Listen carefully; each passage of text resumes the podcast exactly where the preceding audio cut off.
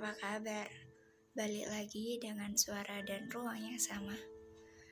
Untuk podcast kedua di bulan Oktober ini, gue mau sharing ke kalian tentang si perasa. Gue mau sharing ke kalian apa sih sisi positif dan negatifnya dari si perasa si perasa ini adalah seseorang yang memiliki uh, sisi kepekaan yang lebih. Tentang si perasa yang katanya si perasa ini terkadang gak bisa dengerin sudut pandang orang lain yang katanya ketika si perasa ini sudah membuka suara dia akan mengiring opini untuk menuju persetujuan orang lain.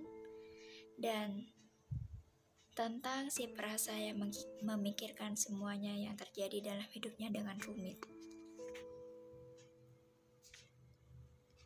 Apa pun yang ia dapat dalam hidupnya,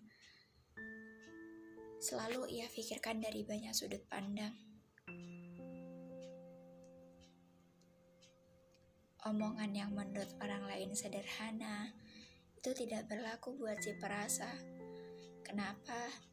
Ya, ia akan selalu memikirkan dan menelaah omongan itu, meskipun omongan itu bukan ditujukan untuknya. Tapi dia merasa bahwa omongan itu untuknya. Tapi si perasa juga punya sisi positif dan negatif. Di mana jika dilihat dari sisi positif, si perasa ini beruntung karena bisa menebak ataupun mengetahui apa yang orang lain atau orang terdekat dari si perasa sembunyikan. Tapi tidak seenak itu. Untuk si perasa karena apa? Dia akan merasakan lelah yang lebih lama dan lebih banyak dari orang lain. Dan penilaian orang lain terhadap si perasa yang selalu dikatakan egois. Karena apa?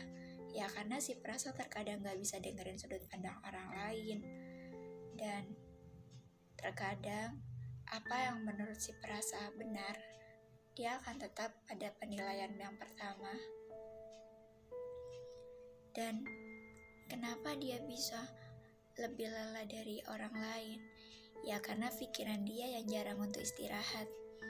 Jika orang lain melihat si perasa ini dari sisi luar, orang lain akan berpikiran bahwa si perasa ini sama dengan kebanyakan orang yang cuman hahaha Tapi nyatanya tidak semudah itu. Si perasa akan lebih cepat untuk merasa lelah, bad mood, apalagi jika si perasa mendapat omongan yang gak enak buat si perasa. Dan si perasa ini terkadang juga berpikir, apakah benar dirinya egois, seperti yang orang lain katakan. Dan kalau menurut gue sendiri, sebagai seorang yang perasa, dibilang perasa terkadang nggak memikirkan sudut pandang orang lain ya aku katakan itu benar. Karena kenapa ya?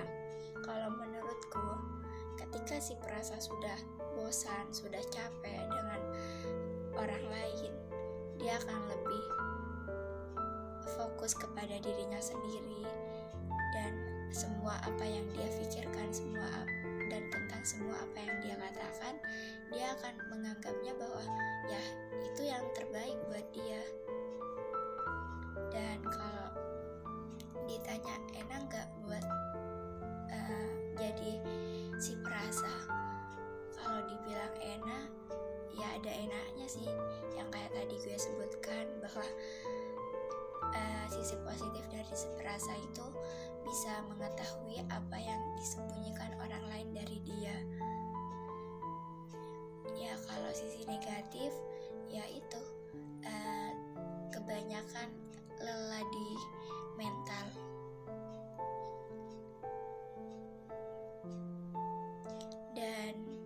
menurut gue orang-orang yang kayak si perasa itu hebat sih kenapa bukan karena gue sendiri yang merasa, tapi karena mereka bisa terus maju dalam kehidupan mereka meskipun mereka capek banget.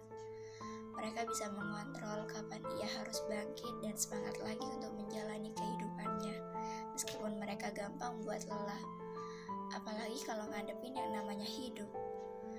Ya meskipun semua orang capek sih ngadepin yang namanya hidup. Dan si perasa juga hebat dalam menutupi semua yang ia rasakan dari interaksi yang ia lakukan.